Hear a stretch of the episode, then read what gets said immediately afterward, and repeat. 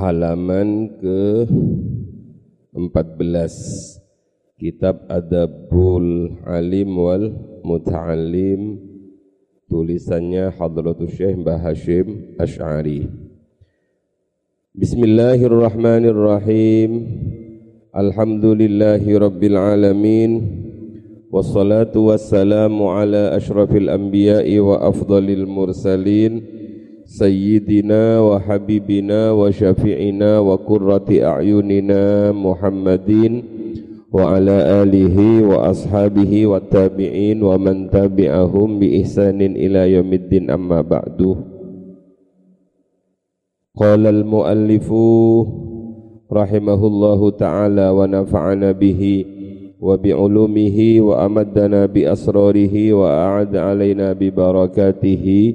fid daraini amin ya rabbal alamin.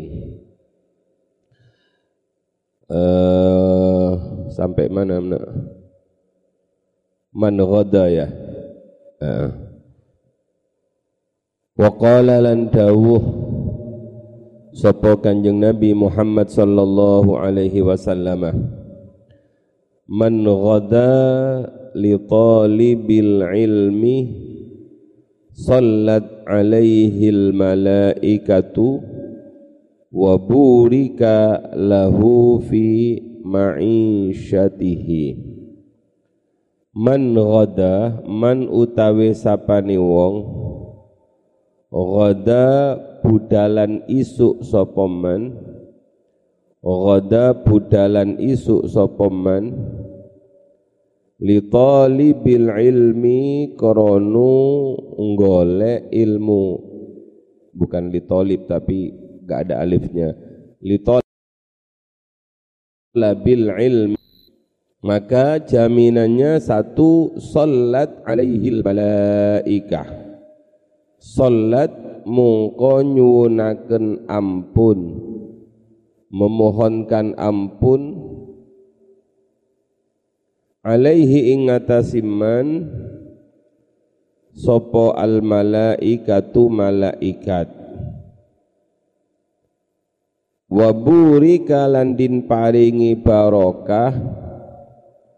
Wa burika landin paringi barokah. Apa lahu kedue man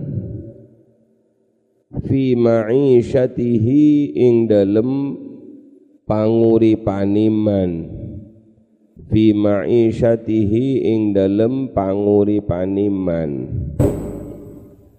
Cukup dulu satu hadis kita artikan, kita pelajari, baru pindah ke hadis berikutnya.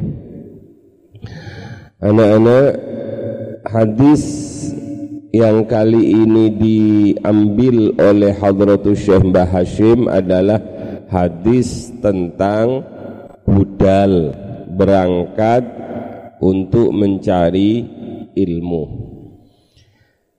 Kanjeng Nabi Muhammad sallallahu alaihi wasallam dawuh Man ghada siapa pun orangnya yang berangkat untuk apa litolabil ilmi mencari ilmu jadi orang mencari ilmu itu harus keluar berangkat. Ada usaha. Dan ingat setiap langkah kaki menuju tempat mencari ilmu itu akan dinilai oleh Allah. Inilah kelebihan berangkat mencari ilmu dibandingkan mencari ilmu lewat online streaming. Tapi insya Allah para santri yang ada di rumah sekalipun mereka duduk di tempat kemudian ilmunya datang lewat HP, lewat TV, lewat siaran online yakin mereka tetap dicatat seperti berangkat ke masjid, seperti berangkat ke sekolah, seperti berangkat ke diniyah seperti berangkat ke ngaji weton Kenapa? Karena biasa mereka melakukan seperti itu. Nahnu naktubu ma qaddamu wa rohum. Dalilnya. Allah mencatat apa-apa yang biasa mereka lakukan dan apa-apa yang dilanjutkan selanjutnya. Inilah kelebihan istiqomah. Kalau kalian ngaji sekolah biasa berangkat dari kamar menuju masjid, dari kamar menuju gedung diniyah, dari kamar menuju gedung madrasah. Lah suatu saat karena ada udur, apalagi udurnya ini udur syar'i, misalnya kalian sakit sehingga kalian tidak sekolah, maka saat itu kalian akan diberi pahala sama seperti kalian berangkat ke sekolah. Kalau kalian istiqomah ke sekolah. Ada orang yang istiqomah sholat malam, Lantas suatu saat karena sakit dia tidak sholat malam maka malam itu dia diberi pahala sama seperti sholat malam. Ada anak yang biasa ngaji weton dengan abah dengan ibu tiba-tiba karena corona harus berpisah sehingga ngajinya enggak berangkat ngajinya cukup di rumah yakin pada Allah Allah maha penyayang Allah maha kasih kalian akan mendapatkan pahala sama Alhamdulillah. Man ghada li talabil ilmi. Apa pahala, jaminan, balasan bagi mereka yang bergerak untuk mencari ilmu? Satu, salat alaihil malaika. Ingat ada ayat Innallaha wa malaikatahu yusalluna 'alan nabi يا أيها الذين آمنوا صلوا عليه وسلموا تسليما kalau solat solawat itu datang dari malaikat maka namanya malaikat itu memintakan ampun maka salat alaihil malaika malaikat akan memintakan ampun bagi mereka para tolibil ilmi orang-orang yang berangkat ngaji ini pelajaran yang luar biasa, penghargaan yang luar biasa. Ada beberapa dosa yang tidak bisa diampuni lewat istighfar. Ada beberapa dosa yang tidak bisa diampuni lewat sayyidul istighfar. Ada beberapa dosa yang tidak bisa diampuni lewat Rabbana dhalamna la ilaha illa anta dan lain sebagainya. Tapi dosa itu diampuni oleh Allah lewat berangkat ngaji. Ini namanya luar biasanya Allah memberikan penghargaan bagi mereka yang mau ng ngaji. Salat alaihil malaika. Yang kedua, wa burika lahu fi ma'isyatihi. Allah akan memberi barokah wa burika landin paringi barokah sapa lahu kedue man fi ma'isyatihi ing dalem penguripaniman orang itu akan diberi keberkahan dalam kehidupannya diberi berkah dalam rezekinya. Bahasanya sederhana diberi berkah. Tapi berkah itu maknanya luar biasa karena Imam Al-Ghazali menulis bahwa yang disebut al-barakah itu adalah ziyadatul khair. Tambahan kebaikan. Kebaikan dalam berbagai sisi. Kebaikan dalam kehidupan kebaikan dalam umur kebaikan dalam rezeki kebaikan kebaikan kebaikan yang lain. Burika fi ma'isyatihi makanya anak-anak kalau kalian sedikit merenung kenapa ya ketika ada orang ketemu dengan orang sesama muslim dianjurkan untuk mengucapkan salam? Coba kalian lihat redaksi salam. Satu assalamu alaikum. Apa artinya itu?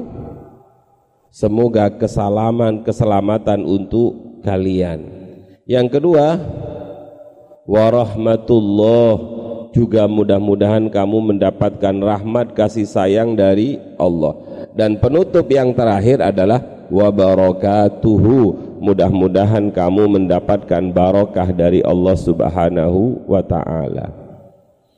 Makanya anak-anak biasanya mbah-mbah kita guru-guru kita, orang tua kita ketika kita mondok itu dibilangi sederhana na koleo barokah koleo barokah Golek barokah itu luar biasa nyari ilmu dengan adab-adabnya itu akan menjadikan ilmu kalian barokah. Kalau ilmunya barokah maka hari ini mungkin ilmumu hanya dua kilo, besok pasti dua kilo seperempat terus ada tambahan, ada tambahan ilmu. Itu namanya hidupnya menjadi barokah. Contoh yang sangat indah adalah ada salah seorang sahabat yang bernama Abdurrahman bin Auf tulis. Abdurrahman bin Auf. Abdurrahman bin Auf itu contoh sahabat yang didoakan oleh Nabi mendapatkan kehidupan yang barokah. Siapa itu Abdurrahman bin Auf? Abdurrahman bin Auf itu anak-anakku adalah al-mubashirin bil jannah. Ahadu ahadul mubashirin bil jannah. Salah satu sahabat Nabi yang ketika masih hidup sudah diberi kabar bahwa dia akan masuk sorga. Itu namanya Abdurrahman bin Auf seorang muhajirin. Abdurrahman bin Auf itu juga dipilih oleh Sayyidina Umar menjadi salah satu di antara enam orang yang dijadikan panitia untuk memilih khalifah penggantinya Sayyidina Umar. Sekedar ada tambahan sejarah dalam ngaji ini Rasulullah wafat Rasulullah tidak berwasiat secara jelas siapa penggantinya. Hanya ada beberapa isyarat. Salah satunya adalah al-aimma min Quraisy pemimpin itu dari kalangan Quraisy. Yang kedua adalah uh, isyarat ketika Nabi tidak bisa ngimami sholat yang disuruh menjadi pengganti Nabi ngimami sholat siapa? Sayyidina Abu Bakar. Ini ditangkap oleh para sahabat bahwa Nabi menghendaki Sayyidina Abu Bakar menjadi penerusnya penggantinya. Apalagi Nabi mendekatkan dirinya dengan Sayyidina Abu Bakar lewat musoharoh perbesanan. Apa itu? Putrinya Sayyidina Abu Bakar diambil sebagai istri kanjeng Nabi yang bernama Aisyah yang sekarang lagunya sedang viral itu. Aisyah gimana itu? Istri Rasulullah dan lain sebagainya saya saya nggak terlalu hafal. Ambil pambil es. Itu Sayyidina Abu Bakar. Begitu Sayyidina Abu Bakar akan wafat Sayyidina Abu Bakar berpesan bahwa nanti yang menjadi khalifah pengganti saya adalah Umar Sayyidina Umar begitu Sayyidina Umar wafat anak-anakku Sayyidina Umar itu tidak berpesan nama. Nanti yang menjadi pengganti saya si A, si B, si C tidak. Tapi Sayyidina Umar membuka keran demokrasi. Sayyidina Umar lah orang yang pertama kali membuka keran pemilihan umum. Kemudian Sayyidina Umar bilang nanti kalau saya wafat saya ngangkat enam sahabat enam sahabat ini saya minta untuk bermusawarah memilih siapa yang pantas menjadi pengganti saya Inilah yang disebut kemudian dengan majelis ahlil halli wal aqdi yang kemarin dipraktekkan dalam Nahdlatul Ulama.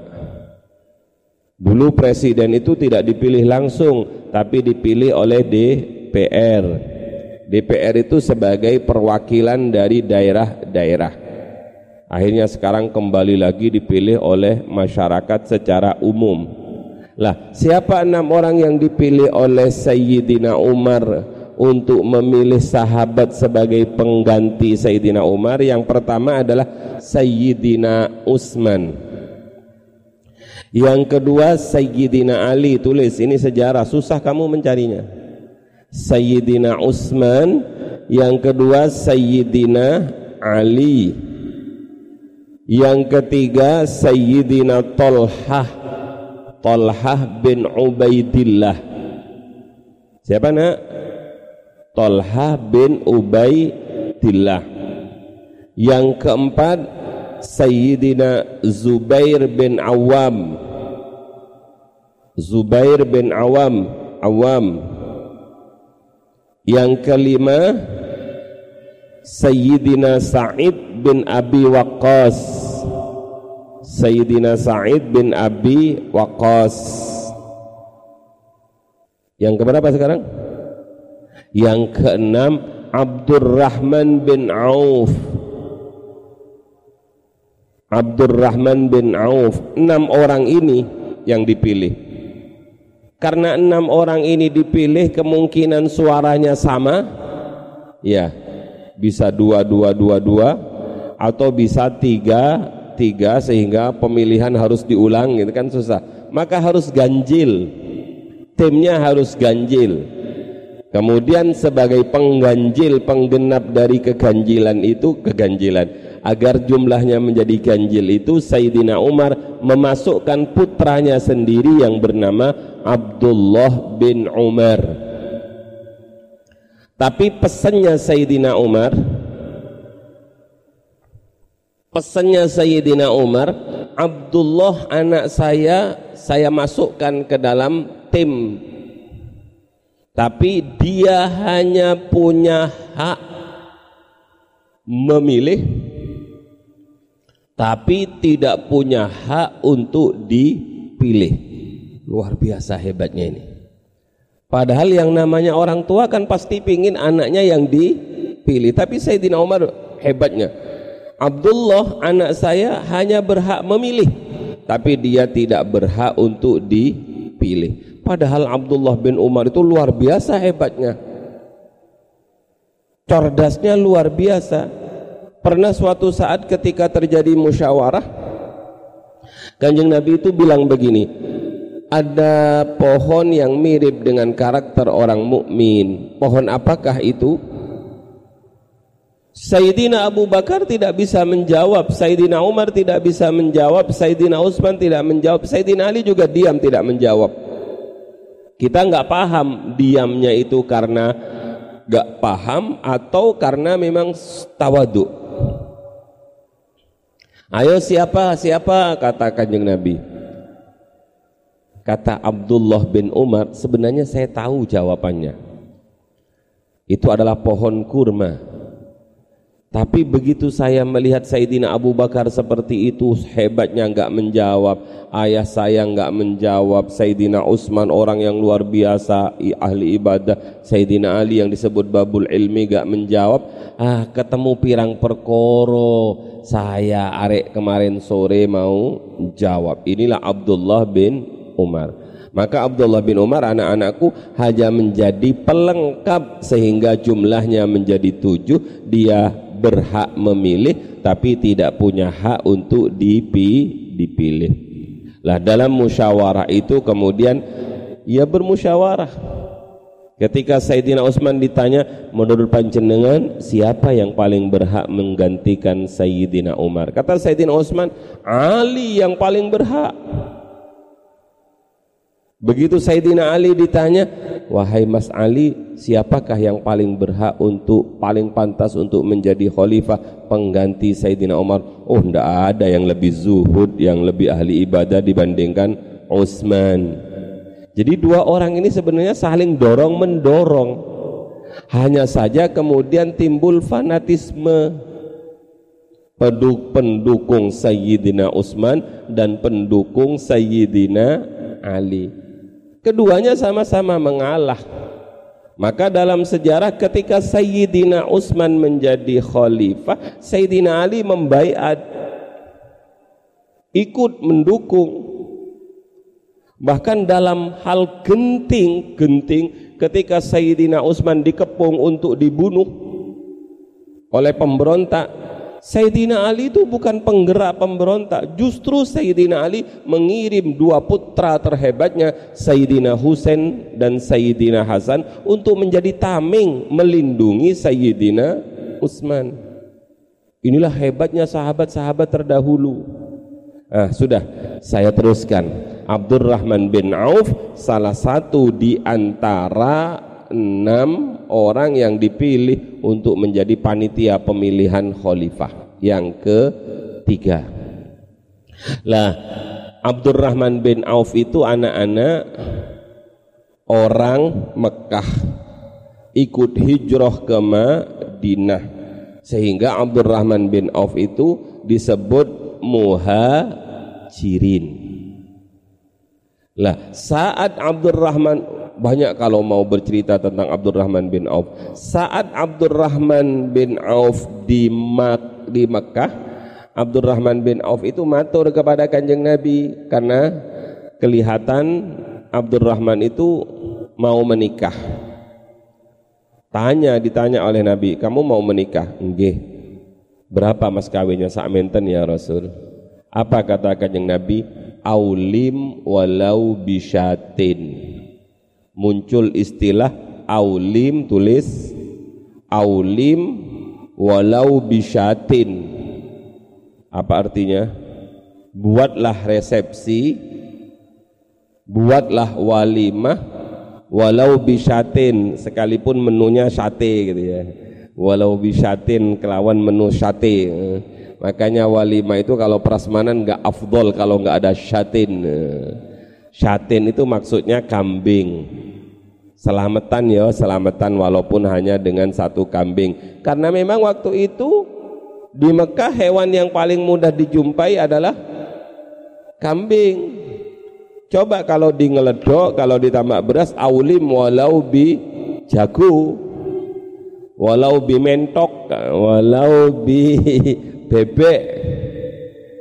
Karena yang paling banyak dijumpai adalah mentok dan bebek kalau daerahnya tidak ada, daerah penghasil tempe ya aulim walau bitempe. Eh. Aulim walau bita. Jangan bitahi. Bab uh, tahu kemasukan huruf cerba maka, maka dibaca aulim walau bi bitahu tetap jangan bitahi gak boleh nama itu dirubah aulim walau bitahu yang penting adalah walimah itu adalah makan makan dan meminta doa. Lah, ketika uh, Abdurrahman bin Auf itu anak-anakku menikah, Rasulullah menyuruh pakai walimah dan Rasulullah mendoakan Abdurrahman bin Auf dengan doa yang terkenal yang kemudian ditempel-tempel dalam resepsi pernikahan itu gimana? Barakallahu laka wa baraka alaika wa jama'a bainakuma fi khair. Sehingga menjadi lagu. Ba gimana Bil Bil gimana Bil? Bantu saya Bil. Gimana Sen yang itu loh nak. Yang mahir saya itu loh. Ba barokah itu loh yang lagu-lagu manten itu loh. Gimana Bil? Nggak bisa tuh Bil. Lupa. Itu loh lagunya Mahir Sen itu loh. Masa ada yang ingat sayang saya bukan ahli lagu saya.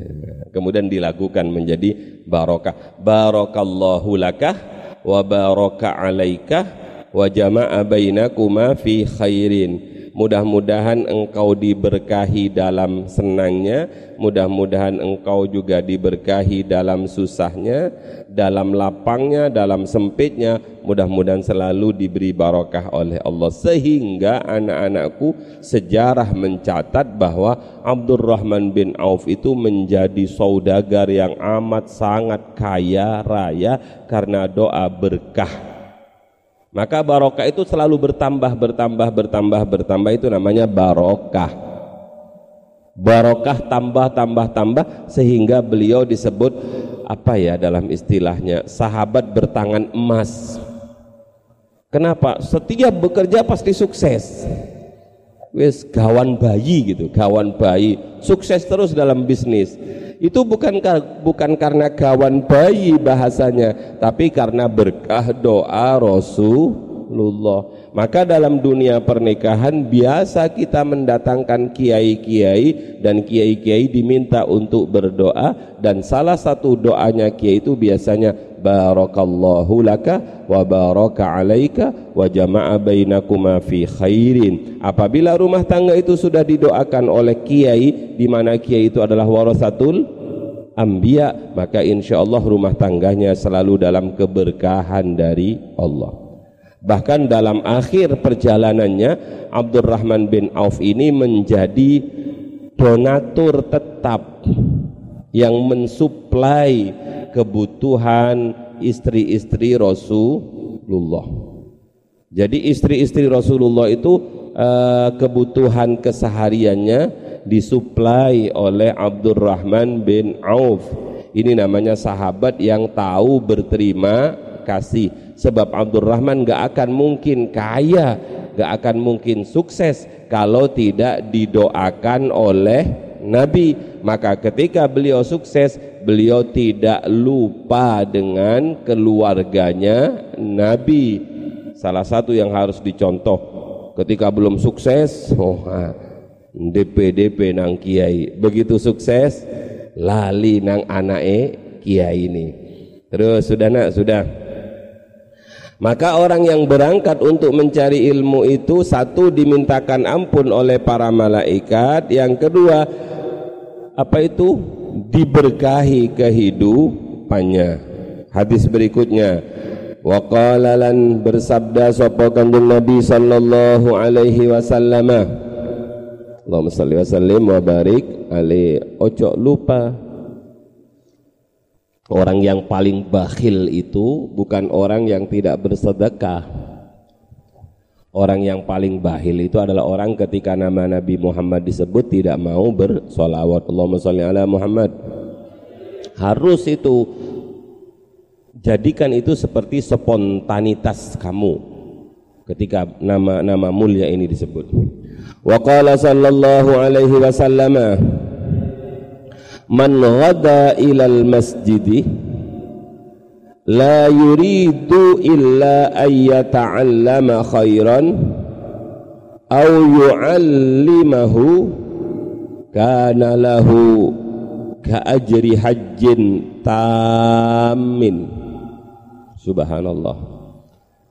Man utawi sapani wong iku ghada berangkat sapa man ilal masjidi marang masjid. Ilal masjidi marang masjid. La yuridu orang ngarepake sapa man? Illa kejaba ayya ta'allama yanto belajar sapa man? Khairan ing kebagusan. Au yu'allima au ayyu'allima. Au yu'allima utawa yen to mulangake sapa man mengajarkan sapa man hu ing khair. Kana mungko ono lahu iku keduwe man ka ajri hajjin ka ajri hajin koyok ganjarani wong kang haji. Ka ajri hajin koyok ganjarani haji bukan wong. Ka ajri hajin koyok ganjarani haji tamin kang sempurno subhanallah. Berjalanmu menuju masjid tidak ada tujuan kecuali hanya untuk belajar bagi santri bagi ustadz tidak ada tujuan pergi ke masjid itu kecuali hanya untuk menga mengajar. Maka bagi keduanya santrinya, muridnya atau ustadznya atau kiainya atau bunyainya pahalanya sama seperti orang yang haji sempurna orang yang haji sempurna luna bukan hanya mahal haji itu. Di samping mahal haji itu antrinya panjang. Sekarang antrinya 20 tahunan ke atas untuk haji. Jadi kalau kamu sekarang umur 20 tahun baru daftar haji paling tidak kamu umur 45 tahun baru haji. Sulit sekarang haji. Apalagi tahun ini kabar-kabarnya tidak ada haji sudah daftarnya susah. Persyaratannya luar biasa beratnya sangunya kutu bersih.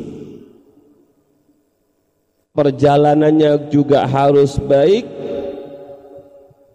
Ketika di Mekah tidak boleh la rafasa wala fusuqa wala jidala fil hajj. Tidak boleh rofas, tidak boleh fusuk, tidak boleh jidal dan so seperangkat aturan-aturan haji yang kita sebut dengan manasik haji harus dilakukan dengan baik dengan sempurna. Baru hajinya disebut dengan haji tamin haji sempurna.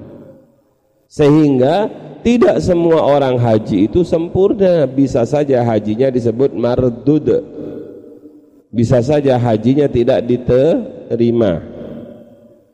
Lah tanpa berangkat ke Mekah hanya berangkat ke rumahnya Allah.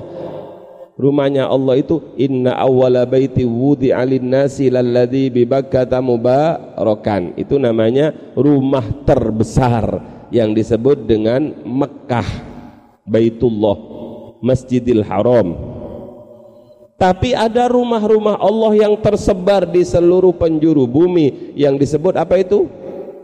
Masjid. Masjid-masjid itu rumah-rumahnya Allah. Maka ketika kamu masuk ke masjid itu, kamu menjadi tamunya siapa? Menjadi tamunya siapa? Menjadi tamunya Allah maka enggak mungkin tuan rumah tidak menjamu kalian, tidak mungkin tuan rumah me, tidak menjaga kalian. Maka orang-orang yang masuk ke, ke masjid pasti dia akan ada dalam himayatillah perlindungan Allah. Masjid dahulu itu menjadi pusat pembelajaran, menjadi pusat diskusi, menjadi pusat musyawarah. Tidak hanya digunakan untuk sholat dok, ada yang tragis, ada yang mengenakan, ada yang mengenaskan.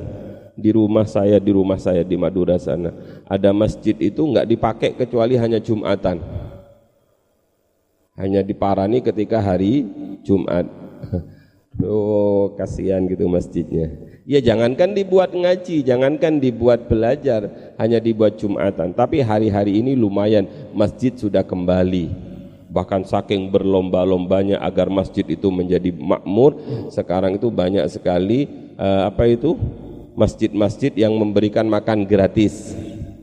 Subuh pecel kali uh, pecel dengan kopi. Wah yang jamaah banyak.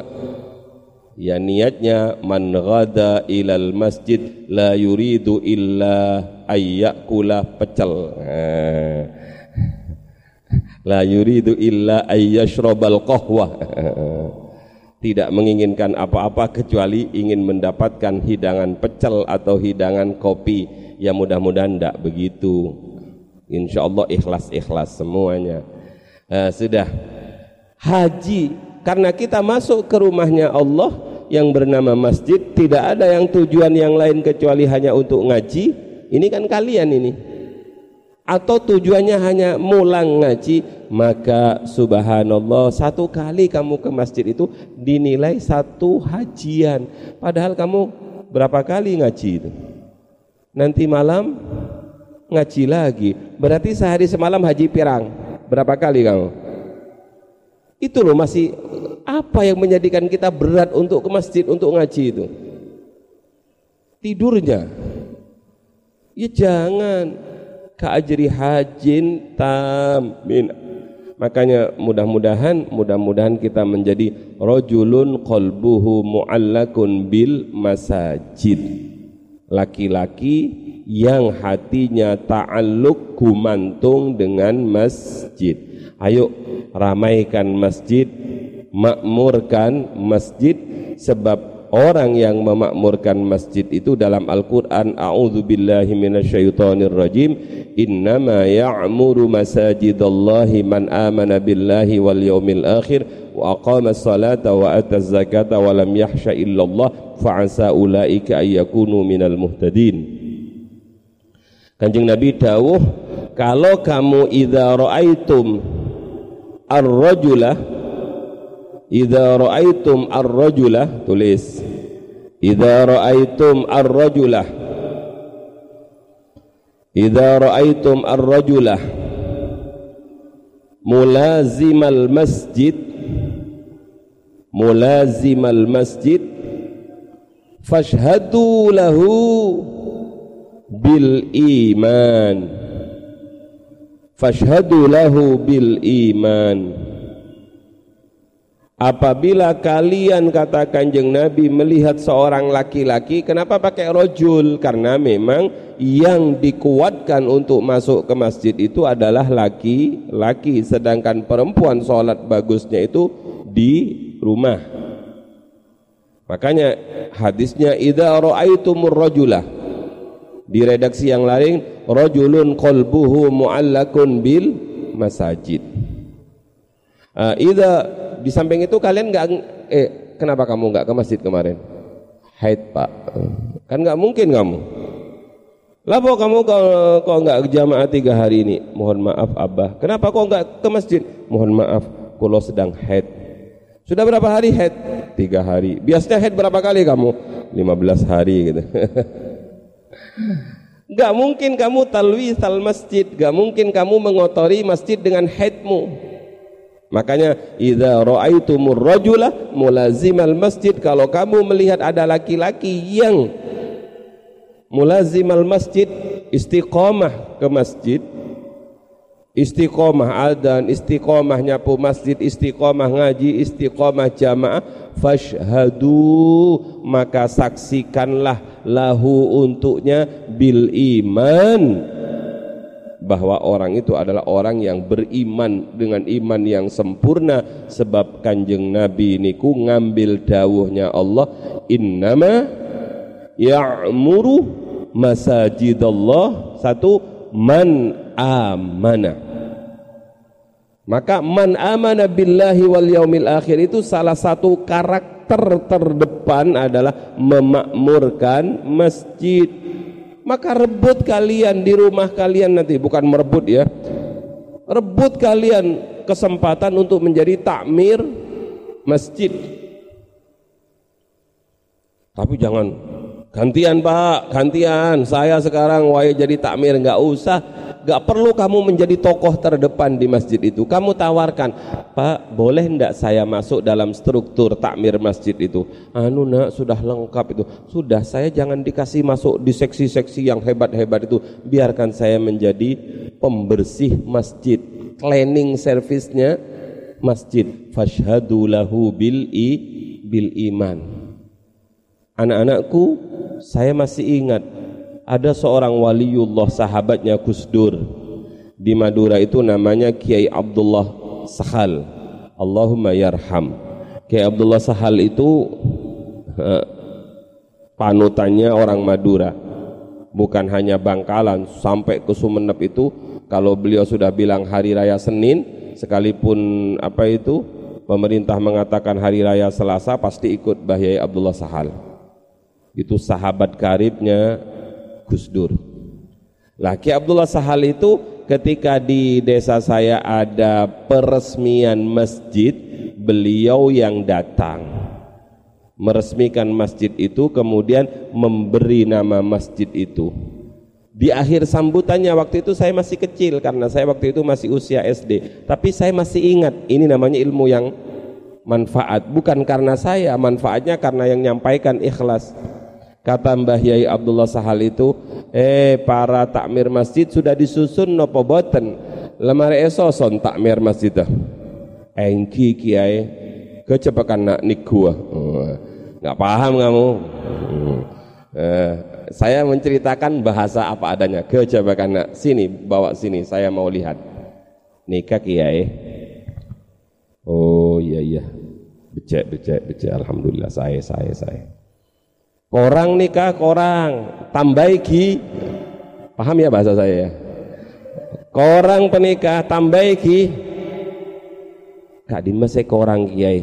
Korang itu ada tambahan paling bawah Abdullah Sahal. Masukkan nama saya di sini. Gak apa-apa saya jadi tukang konsumsi atau tukang bersih-bersih masjid. Yang penting saya masuk di sini. Kenapa? Karena saya ingin naik masjid ini. Makanya nanti anak-anakku di akhirat itu ketika kita akan melintasi apa yang disebut dengan namanya sirot ya jembatan yang sangat panjang jalannya bukan landai bukan lurus tapi jalannya me menanjak ke atas ini kalau mobilnya agak tua itu bisa mundur ini yang katanya seperti apa itu? Seperti rambut dibelah tujuh tajamnya luar biasa. Kalau kita agak gak pede lewat lewat sirot ini ayo cari nih malaikat. Kawani ayo ndang kudu gak wani. Ya wis. Boleh boleh kamu apa amalmu di dunia kulo niki menjadi tukang bersihnya Masjid Al Basirah. Ya wis, nah datanglah Masjid Al Basirah seret. Tapi kalau hanya sekali roan ya ndak lah gitu. Kulo niku biasa jamaah. Makanya kiai-kiai itu anak-anakku jamaahnya itu nggak pindah-pindah tempat. Saya punya kiai namanya aduh Kiai Sofyan. Sofyan sabar sekali di Jemur Ngawinan. Jamaahnya itu gak pernah pindah di sop kedua baris kedua sebelah sana. Ketika saya tanya Kiai kenapa kok nggak pindah-pindah dari situ? Ini dulu tempat sopnya abah saya di sini gak pernah pindah-pindah. Jadi nanti di akhirat enak itu kalau didatangkan masjid. Kaplingannya sudah jelas lah yang nggak jelas kadang-kadang di depan, kadang-kadang di belakang, kadang-kadang di pojok, kadang-kadang nggak masuk. Itu nanti ketika dipanggil masjidnya sebelah mana istiqomahanmu? Angin nanti.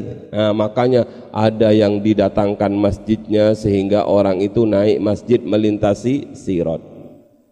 Inilah cerita betapa orang-orang dahulu itu qalbuhu mu'allakun bil masajid hatinya itu gumantung nang masjid. Nek gak ketemu masjid itu gimana gitu? Tapi ada juga orang yang gumantungnya itu bukan dengan masjid tapi gumantungnya itu dengan mall. Ada ndak? Ada. Ada anak yang gumantungnya dengan warung kopi warkop. Ada ada. Ya sudahlah panceni takdiri koyok ngono bagiannya koyok ngono. Maka berdoalah mudah-mudahan kita ditakdir menjadi orang yang hatinya gumantung nang masjid. Sehingga secara sindiran secara sindiran kanjeng Nabi itu dawuh begini anak-anak. Syarrul biqa aswaquha. Tulis. Syarrul biqa aswaquha. Wa khairul biqa masajiduha. Sejelek-jeleknya tanah di muka bumi ini adalah pasarnya. Wa khairul biqa sebagus-bagusnya sebagus-bagusnya tanah di muka bumi ini adalah masajiduha masjidnya tanah itu masajiduha masjidnya tanah itu. Maka ketika ada pembangunan masjid kamu harus ikut andil. Ikut andil apa? Ikut andil bantu kalau bisa semen sak-sak. Kalau nggak bisa ikut bantu material bantu nukang bantu nguli bantu ro roan biar kamu tercatat sebagai orang yang membana masjidan fil ardi banallahu masjidan fil jannah. Siapa yang membangun masjid di muka bumi maka kelak dia akan dibangunkan masjid oleh Allah di sorganya Allah. Akan dibangunkan istana di sorganya Allah. Sudah nak? Cukup tentang masjid ya? Syarrul biqa aswakuha wa khairul biqa masajiduha. Sebagai penutup tentang masjid itu pernah ada diskusi tentang Rasulullah mandi. Mandinya Rasulullah ketika wafat. Rasulullah dimandikan ketika wafat. Karena syariat. Tapi anehnya di bawah itu tidak ada air tidak ada bekas airnya Rasulullah. Air air air mandinya Rasulullah, air mandi jenazahnya Rasulullah itu enggak ada. Maka ada yang bertanya, ke manakah air mandinya Rasulullah wafat itu? Ada yang mengatakan langsung ditelan oleh bumi karena ini adalah air mulia.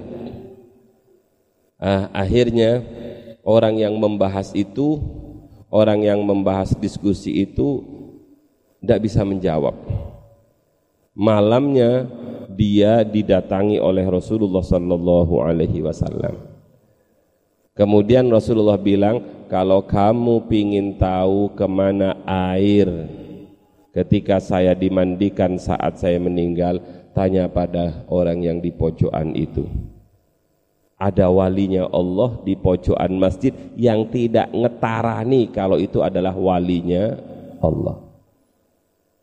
Karena disuruh oleh Rasulullah keesokan harinya langsung ditemui. Assalamualaikum Waalaikumsalam. Bapak mohon maaf ada salam dari Rasulullah. Tadi malam saya mimpi Rasulullah. Sebab kalau mimpi Rasulullah itu pasti betul. Karena iblis setan tidak bisa mendo-mendo jadi Rasulullah. Apa? Apa kata Rasulullah? Saya disuruh tanya pada panjenengan di manakah air bekas mandi jenazahnya Rasulullah. Nangis orang itu. Kenapa saya yang harus ditanyakan? Kemudian orang itu menjawab, ketahuilah saudaraku, air mandinya Rasulullah itu langsung naik menjadi awan. Langsung naik, tidak turun, langsung naik dan menjadi awan yang tersimpan sampai akhir hayat hari kiamat. Lah awan-awan ini nanti awan-awan khusus ini akan menjadi air hujan. Tetesan air hujan itu yang kebetulan mendungnya itu adalah airnya Rasulullah itu menjadi sepenjuru dunia. Lah tetesan hujan dari air mandinya Rasulullah yang jatuh ke bumi inilah nanti bumi yang beruntung. Kenapa? Karena bumi itu pasti dipilih oleh Allah menjadi masjid. Jadi masjid itu nggak bisa, nggak bisa direka-rekayasa. Ya di sini misalnya, kayak kita ini kok sebelah sini sih masjidnya, kenapa kok nggak paling depan? Ya memang di sini yang dituruni air hujannya Rasulullah. Ya memang di sana itu yang dituruni Makanya mulia-mulianya tanah itu adalah tanah yang dipilih oleh Allah menjadi rumahnya Allah. Yang kedua, karena tanah itu adalah ditetesi air hujan bekas mandinya baginda Rasul. Dan tidak ada tamu yang lebih mulia dibandingkan tamunya siapa? Tamunya Allah. Ayo lebih mulia mana tamunya kiai dengan tamunya Allah? Ayo lebih mulia mana tamunya presiden dengan tamunya Allah? Ya lebih mulia tamunya Allah. Maka sebenarnya kalau kamu datang dari dari kamarmu itu seharusnya ada ada penyambut di situ. Kemudian dikalungi, selamat datang wahai tamunya Allah, selamat datang wahai tamunya Allah. Itu malaikat yang nyambut kamu itu. Sudah cukup-cukup tentang masjid. Nah, man ilal masjid, siapa pun orangnya yang datang kepada masjid, eh, kemudian dia tidak menginginkan apa-apa dari datangnya kepada masjid itu kecuali hanya ingin belajar kebaikan atau mengajarkan kebaikan maka kana lahu ajri hajjin tamin dia mendapatkan pahala seperti pahalanya orang yang haji sempurna sama-sama duyufnya Allah. Duyufur rahman. Hanya saja duyufullah di ngeledok duyufullah ditambah beras duyufullah di Masjid Akbar. Ada duyufur rahman di Masjidil Haram. Saking hebatnya masjid itu ada hadis begini hati-hati hati-hati santri-santri itu. Barang siapa la solata tulis. La solata. Lidaril masjid La solata li jaril masjid. Ada yang bilang li daril masjid. Ada yang redaksi yang lain li jaril masjid. Illa fihi illa fihi. La solata ay sahihah. Ada yang memaknai ay tamah. Maksudnya apa? Orang yang bertetangga dengan masjid kayak kamu ini Kamar-kamarmu itu tetangganya masjid. Apalagi yang menjadi takmir dempet masjid keterlaluan kalau gak jamaah subuh. Ada ndak yang nempel masjid gak jamaah subuh di masjid? Itu namanya innalillahi wa inna ilaihi rajiun. Wong nempel di masjid kok gak jamaah di masjid terlalu namanya itu. Ya bukan Husain, alhamdulillah Husain rajin ya. Ndak barangkali ada di depan masjid kamarmu. Hanya beberapa langkah. Di samping masjid kamarmu hanya beberapa langkah. Kok cek abote nang masjid maka ingat hadis ini kalau kamu abot pergi ke masjid ingat hadis ini. Barang siapa rumahnya bertetangga dengan masjid di sampingnya masjid kayak kamarmu itu di depan di samping masjid la salata li jaril masjid illa fihi. Tidak sah solatnya kecuali di dalam masjid. Waduh ini pendapat yang ekstrim. Ya sudah ada pendapat yang agak tidak ekstrim longgar la solata ai kamilah Solatnya dianggap tidak sempurna bagi orang yang ada di samping masjid bertetangga dengan masjid kecuali di masjid itu. Eh, gak usah diobrak-abrik dengan masjid. Yang penting sudah dibangunkan langsung jalan ke masjid. Sebab apa anak-anak? Banyak sih banyak hadisnya. Kalau kita berbicara tentang masjid, satu langkah ada orang yang berwudu, wudunya diperbaiki. Wudunya fa'ahsana wudu'ahu, dia perbagusi wudunya. Kemudian summa kharaja ilal masjid, lantas ia pergi menuju masjid, maka satu langkah itu mengangkat satu derajat, menghapus satu dosa, dicatat satu pahala. Ada yang bilang satu langkah itu menghapus sepuluh dosa dicatat sepuluh pahala dan dinaikkan sepuluh derajat. Inilah hebatnya Allah maka jangan jangan jangan kau remehkan. Ada orang tidak terlalu pintar di pondok tapi derajatnya tinggi kelak di masyarakat karena dia selalu berjalan menuju tempat masjid Is, mudah-mudahan kita ditakdir oleh Allah menjadi orang-orang yang memakmurkan masjid. Amin, amin. Selama masjid kita ini dimakmurkan, selama masjid kita ini dibuat ibadah, dibuat tolabul ilmi, maka insya Allah tidak akan kiamat. Amin. Sebab ciri kiamat itu eh, orang-orang uh, itu salah satunya Al-Quran tinggal tulisannya kan begitu kan? La minal islami illa ismuh. Islam hanya tinggal nama wala yabqa minal qur'ani illa rasmuh. Quran hanya tinggal tulisannya nggak tahu dibaca nggak tahu dipelajari apalagi diamalkan. Yang terakhir adalah orang-orang beramai-ramai membangun masjid memperindah masjid membuat masjidnya megah tapi sayang masjid itu sepi dari kegiatan ibadah.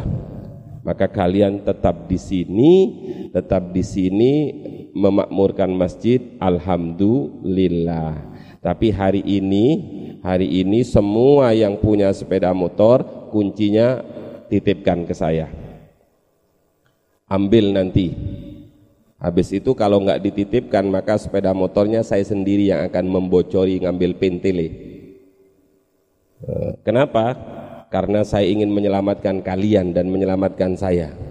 Saya khawatir kalian belarah walaupun saya husnudon kalian tidak belarah tapi kuncinya pegangkan ke saya insya Allah aman Insya Allah aman. Kalau nggak dipegangkan, nanti akan saya buat tim khusus, tim siluman yang akan ngambili pintil depan dan belakangnya. Hmm. Ambili saja pintil depan dan belakangnya. Kalau perlu, nih kurang ambil saja businya juga. Hmm. Dan jadi besi tua. Bismillahirrahmanirrahim. Ayo diteruskan. Saya kira cukup, mudah-mudahan bermanfaat. Amin. Allahumma amin al-alim wal muta'allim kahadihi min hadihi wa jama'a baina al-musabbihati besok besok uh, kedudukan orang alim dan orang yang belajar seperti dua jari yang nempel begini semoga bermanfaat